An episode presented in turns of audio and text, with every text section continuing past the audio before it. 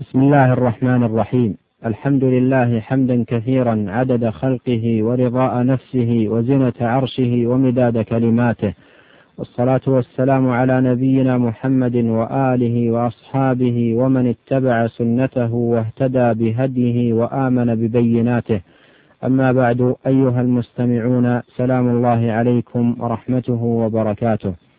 لقد أمر الله في كتابه عباده المؤمنين بالإكثار من ذكره قياما وقعودا وعلى جنوبهم بالليل والنهار وفي البر والبحر وفي السفر والحضر وفي الغنى والفقر وفي الصحة والسقم وفي السر والعلن وفي كل حال. ورتب لهم على ذلك جزيل الأجر وعظيم الثواب وجميل المآب. قال الله تعالى يا أيها الذين آمنوا اذكروا الله ذكرا كثيرا وسبحوه بكرة وأصيلا.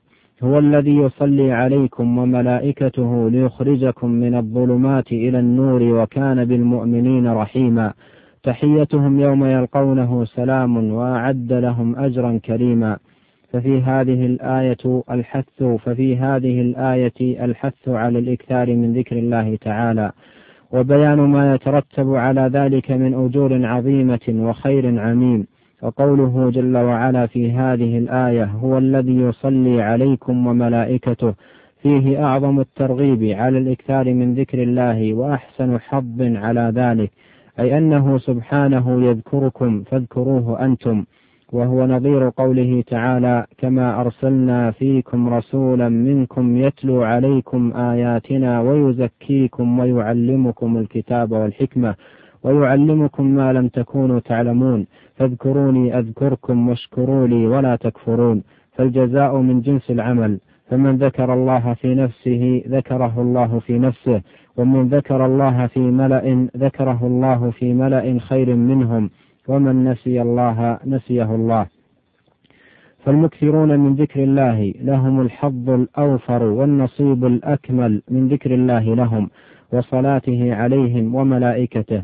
روي عن ابن عباس رضي الله عنهما في معنى الآية أنه قال فإذا فعلتم ذلك أي أكثرتم من ذكر الله صلى الله عليكم وملائكته. وصلاة الله على عبد على عباده الذاكرين له هي ثناؤه عليهم في الملأ الأعلى عند الملائكة الكرام البررة. وصلاة الملائكة عليهم هي بمعنى الدعاء لهم والاستغفار كما قال الله تعالى الذين يحملون العرش ومن حوله يسبحون بحمد ربهم ويؤمنون به ويستغفرون للذين آمنوا. ربنا وسعت كل شيء رحمة وعلما. فاغفر للذين تابوا واتبعوا سبيلك وقهم عذاب الجحيم. وقد حكى البخاري في صحيحه عن أبي العالية رحمه الله أنه قال في معنى قوله تعالى إن الله وملائكته يصلون على النبي. يا أيها الذين آمنوا صلوا عليه وسلموا تسليما. قال صلاة الله ثناؤه عليه عند الملائكة وصلاة الملائكة الدعاء. ثم إن الله تبارك وتعالى بسبب رحمته بالذاكرين الله كثيرا وثنائه عليهم ودعاء ملائكته لهم يخرجهم من الظلمات إلى النور. ولهذا قال هو الذي يصلي عليكم وملائكته ليخرجكم من الظلمات إلى النور أي من ظلمات الجهل والضلال إلى نور الهدى واليقين. ثم قال تعالى وكان بالمؤمنين رحيما أي في الدنيا والآخرة. أما في الدنيا فإنه هداهم إلى الحق الذي جهله غيرهم وبصرهم الطريق الذي ضل عنه وحاد عنه من سواهم من الدعاة إلى الكفر أو البدعة أو الباطل. وأما رحمته بهم في الآخرة فآمنهم من الفزع الأكبر وأمر ملائكته يتلقونهم بالبشارة بالفوز بالجنة والنجاة من النار. وما ذاك إلا لمحبته لهم ورأفته بهم جعلنا الله وإياكم منهم. ويقول الله تعالى في آية أخرى مبينا فضل الذاكرين الله كثيرا والذاكرات منوها بشأنهم معليا لذكرهم مبينا لعظيم أجرهم وثوابهم. يقول جل شأنه إن المسلمين والمسلمات والمؤمنين والمؤمنات والقانتين والقانتات والصادقين والصادقات والصابرين والصابرات والخاشعين والخاشعات والمتصدقين والمتصدقات والصائمين والصائمات والحافظين فروجهم والحافظات والذاكرين الله كثيرا والذاكرات أعد الله لهم مغفرة وأجرا عظيما أي هيأ لذنوبهم الصفح والغفران ولأعمالهم الصالحة الأجر العظيم والدرجات العالية في الجنان مما لا عين رأت ولا أذن سمعت ولا خطر على قلب إنسان. أيها المستمعون إن الذاكرين الله كثيرا والذاكرات هم المفردون السابقون إلى الخيرات والمحظوظون بأرفع الدرجات وأعلى المقامات.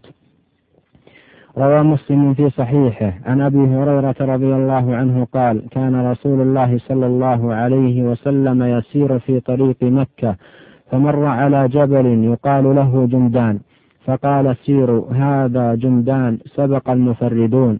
قالوا وما المفردون يا رسول الله؟ قال الذاكرون الله كثيرا والذاكرات. وقد فسر رسول الله صلى الله عليه وسلم المفردين بأنهم الذاكرون الله كثيرا والذاكرات. وأصل المفردين كما يقول ابن قتيبة وغيره الذين هلك أقرانهم وانفردوا عنهم فبقوا يذكرون الله تعالى. أخي المستمع إن من يتأمل هذه النصوص وغيرها من النصوص الكثيرة الواردة في بيان عظيم أجر الذاكرين الله كثيرا والذاكرات وجزيل ثوابهم وما أعد الله لهم من النعيم المقيم والثواب الكبير يوم القيامة. لتتحرك نفسه شوقا وطمعا ويهتز قلبه حبا ورغبا في أن يكون من هؤلاء أهل هذا المقام الرفيع والمنزلة العالية. ولكن بما ينال العبد ذلك؟ وهذا أخي المستمع سؤال عظيم يجدر بكل مسلم أن يقف عنده ويعرف جوابه.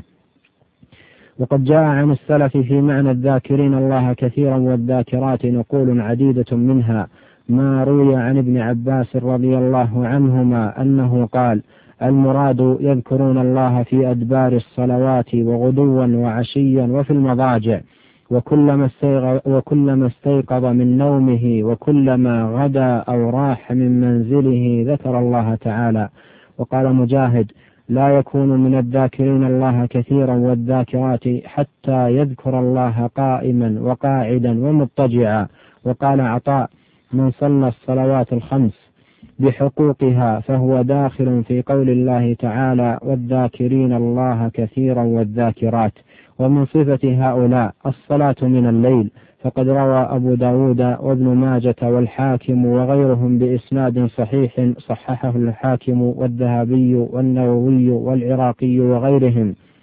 من حديث أبي سعيد الخدري رضي الله عنه قال قال رسول الله صلى الله عليه وسلم إذا أيقظ الرجل أهله من الليل فصليا أو صلى ركعتين جميعا كتبا كتبا من الذاكرين الله كثيرا والذاكرات. وقد سئل أبو عمرو بن الصلاح فيما نقله النووي عنه رحمهم الله.